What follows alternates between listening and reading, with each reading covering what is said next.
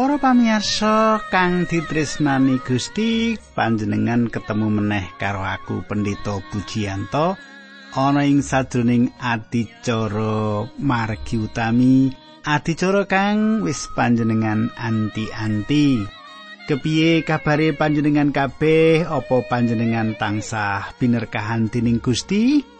Mengkono pandungaku tumrap panjenengan supaya panjenengan tansah ana ing sadroning berkahi Gusti lan jinangkung dening Gusti. Kaya padatan aku bakal ngancani panjenengan ing sawetara wektu iki, panjenengan tak suwun iso nyisihake wektu kanggo aku. Sugeng midhangetake adicara iki.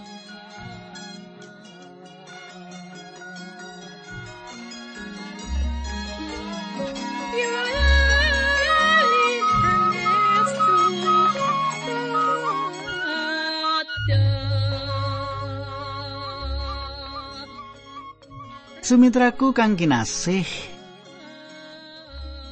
Sepisan maneh panjenengan tentune kelingan apa kang ndak aturake nalika patemon kita kang kepungkur. Becik tak bereni sithik wae adicara kepungkur wis ndak aturake bab kasalipe Gusti Yesus kanggo nebus dosa-dosa kita. Ngono ya?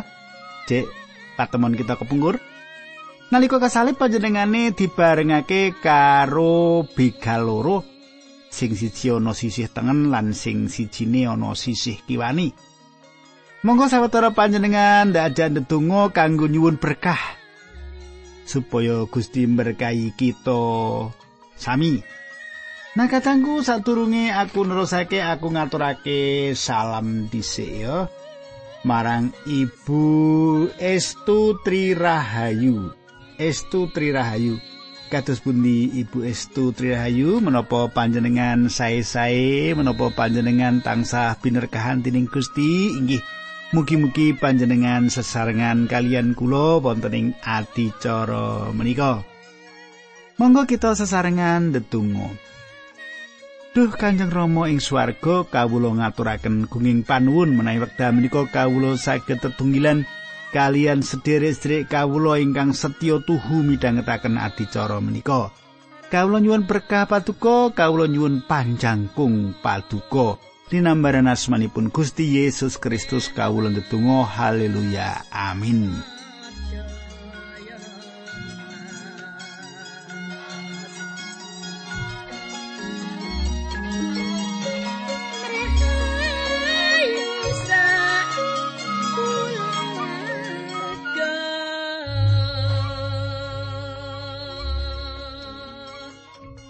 Kadangku kita wis njangkah, wis ngancik ing bab 15 ayat telung puluh pitu ing Injil Markus. Lan sak teruse kita bakal gegilet saiki tak wacake Markus 15 ayat telung puluh pitu nganti telung puluh wolu. Nanging aku nggunakake basa pedinan, awit saka kuwi rada beda tatanan bahasane karo kitab formil panjenengan. Mengkini surasane pangandikan. Gusti Yesus banjur nguwuh meneh tumuli sedo. Geber sing ana ing pedalemane Allah suwek dadi loro saka dhuwur mangisor. Kadangku Gusti Yesus sedo jalaran kanthi legawa masrahake kesangi. Ora jalaran sagabeng piranti sarirane wis ora bisa makarya meneh.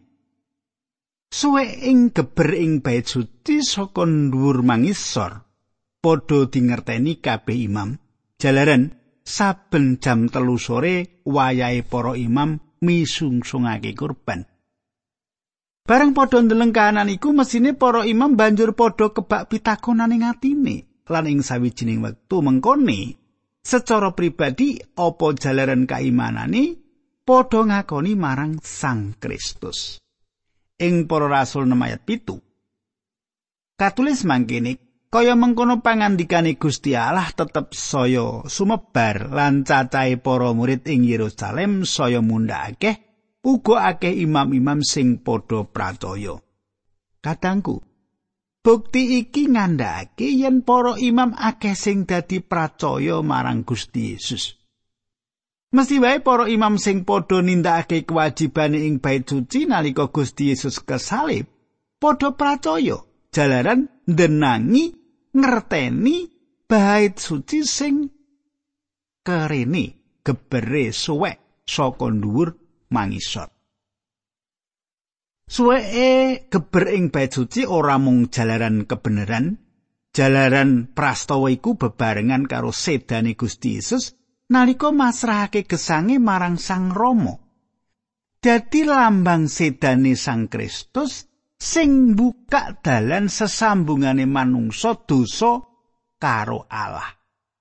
Kedadian suweke kere utawa gebering bait suci bebarengan kedadeane karo lelakon nalika Gusti Yesus sing kayu salib masrahake gesange marang Sang Rama.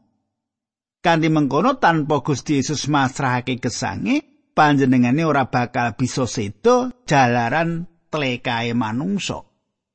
Kere utawa gebering pecuci nglambangake sugenge Gusti Yesus secara kamanungsan. Gusti Yesus sing ora kagungan dosa kanthi legawa sedo kanggo nebus dosane manungsa dadi kanthi sedane Gusti Yesus nyelakake nyedhakake kita manungsa dosa marang Allah. Saiki Markus bab 15 ayat 39. Mengkene surasani. Perwira tentara sing ngadeg ana ing sangarepe salib kono menangi. Nggone Gusti Yesus nguwuh banjur sedo. Perwira mau kondo pancen bener wong iki putrane Allah. Ngelakon iki nggambarake nalika komandan tentara Romawi pracaya marang Gusti Yesus. Komandan iki ngakoni yen Yesus Kristus iku putrane Allah. Yen kumendan iku mau percaya yen Gusti Yesus putrane Allah, ateges dheweke uga percaya marang kabeh sing ditindakake. Jalaran dheweke bola bali ngerti apa sing ditindakake Gusti Yesus, mula nalika Sang Kristus kasalib, kumendan mau teko sowan Gusti Yesus sing sangisore salipe. Wong-wong Romawi ora percaya marang Allah. Komandan lan andahan iki ditugasake nyalip para wong sing dianggep duweni kesalahan gedhe. Markus 15 ayat petang buluh Ing kono uga ana wong wadon sawetara sing padha nyawang lelakon mau kabeh saka kaduan kayata Salome, Maria Magdalena, Maryam ibune Yakobus sing enom lan Yusuf. Ayat 41 wong-wong wadon kuwi sing tansah ngetotake Gusti Yesus sarta ngladosi nalika panjenengane ana ing tanah Galilea. Kajaba kuwi ing kono ana wong wadon akeh liyane meneh sing padha teka saka kutha Yerusalem bebarengan karo Gusti Yesus. Kadangku, wong-wong wadon sing nderekake Gusti Yesus tumuju Golgota, mulia sing paling keri tinimbang liyane, mongko tekane ing papan penyalipan paling gasik dewi. Ya wong-wong wadon iki sing kabukti setya marang Gusti Yesus nganti tekan pungkasani. Para murid lan rasul padha salang tunjang nyelametake awake dhewe-dhewe. Keplayu sak paran-paran.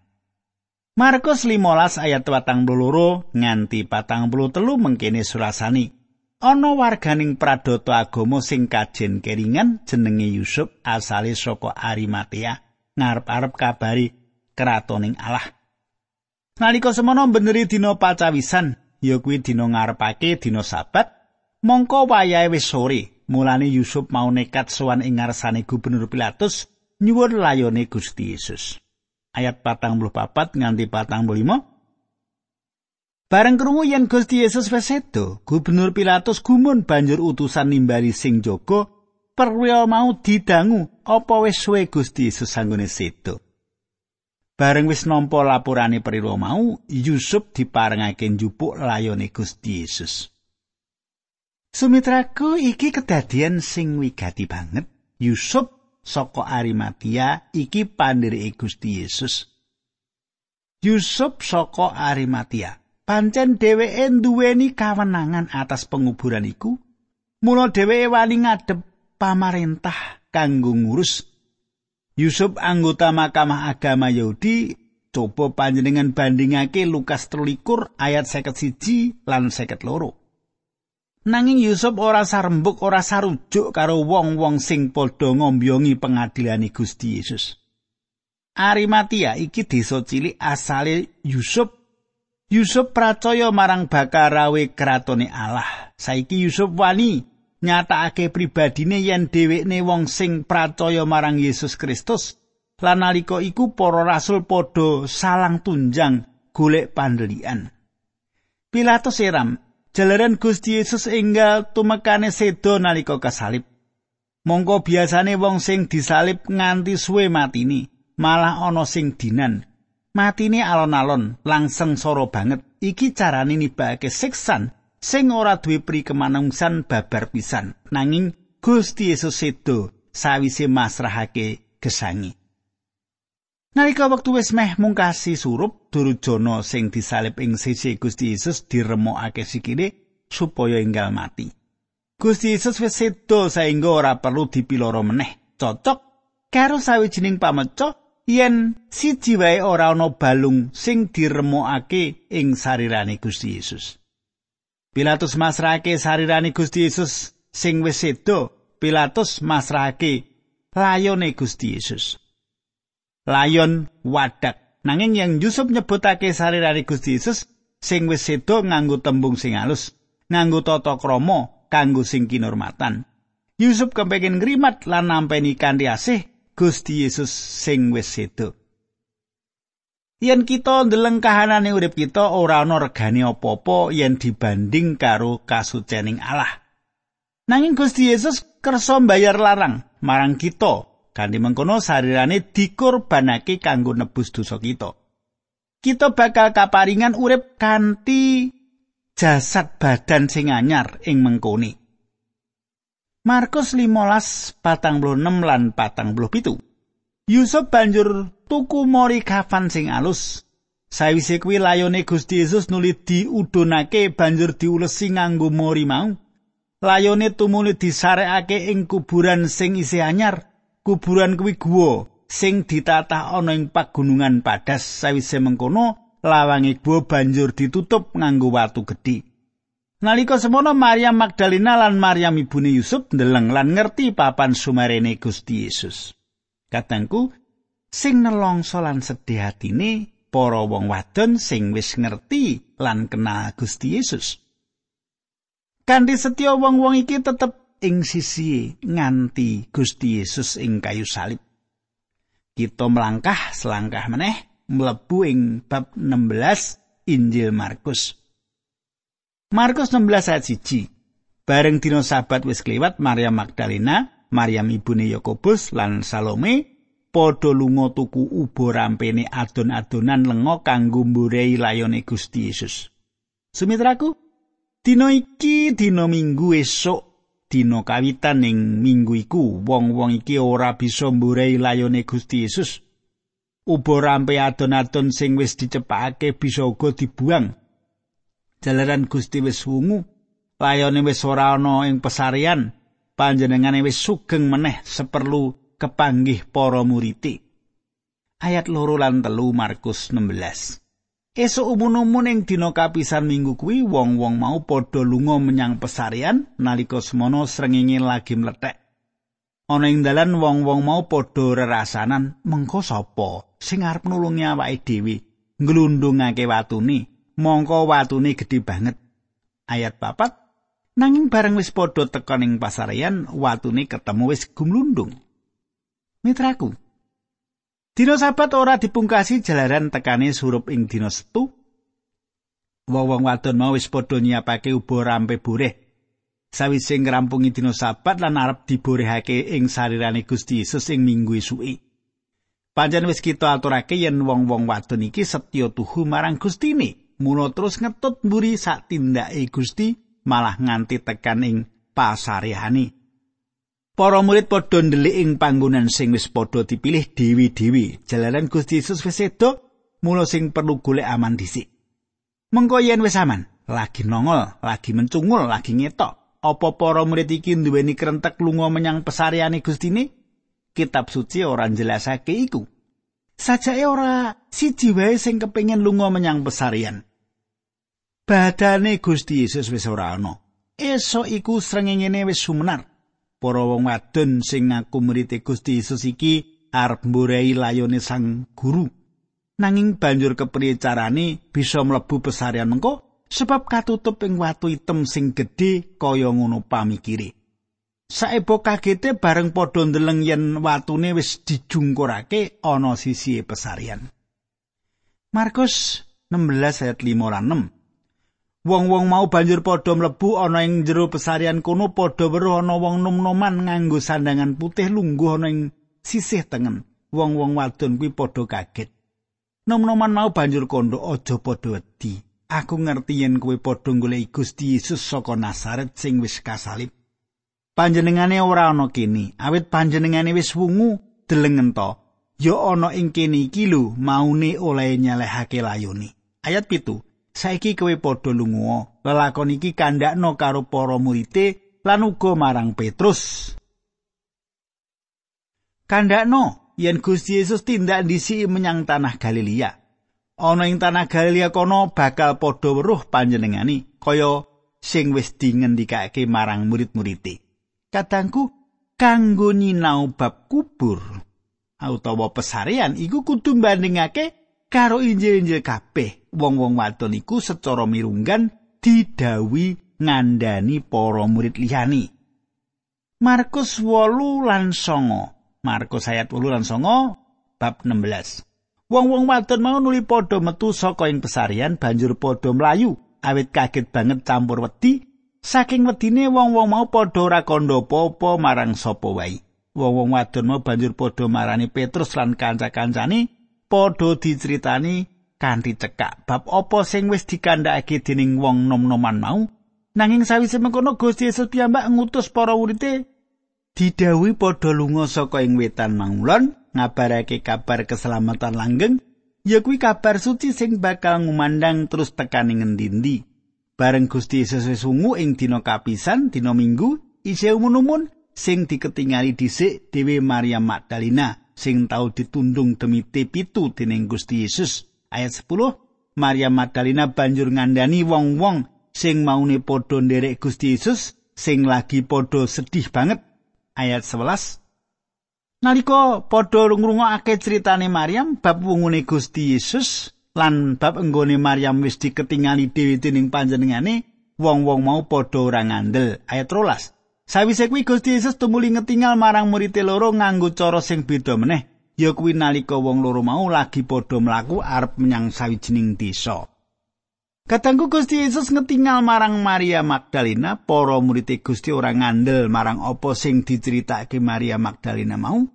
Nuli Gusti Yesus ngetingal maneh marang wong loro sing padha mlaku ing padesan. Lukas nulisake kedadian mau nalika wong loro mlaku nuju desa Emmaus.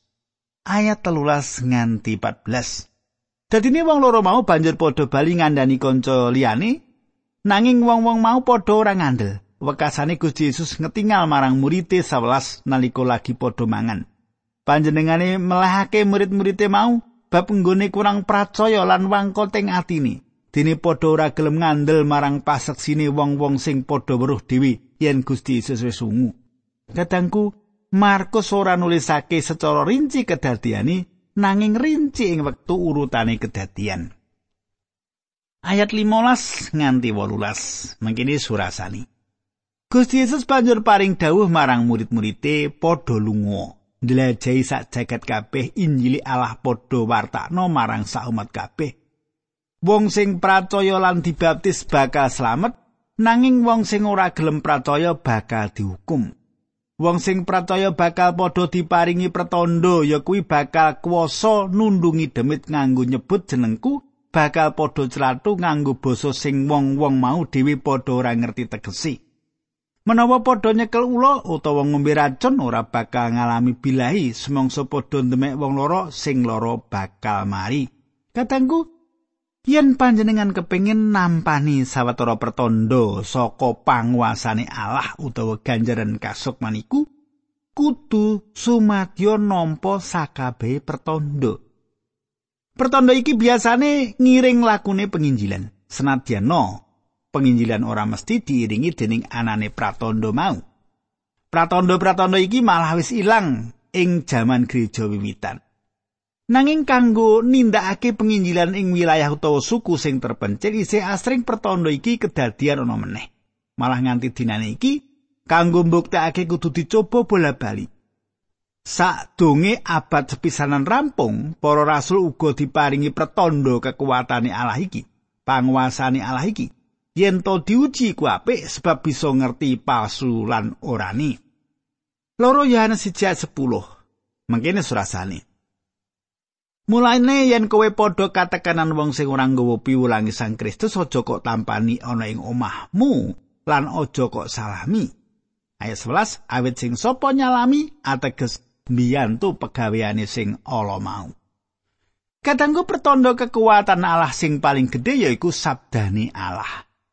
Saiki Markus 16 ayat 19 nganti 20.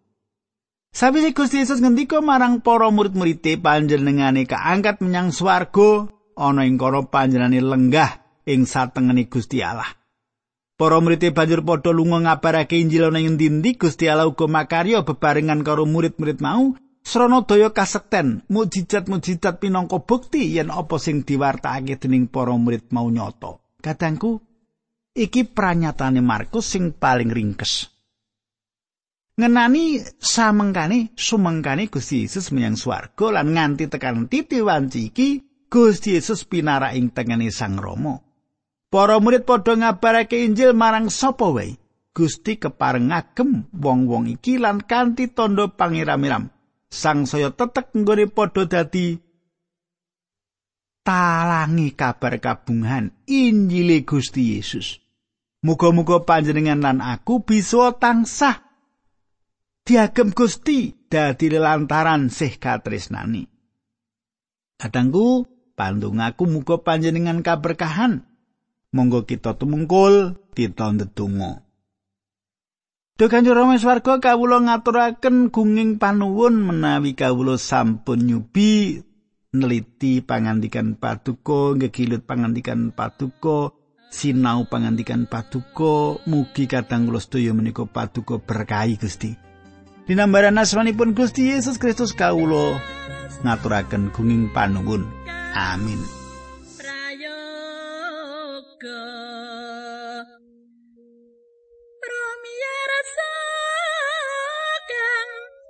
Sutra ya bapak kudu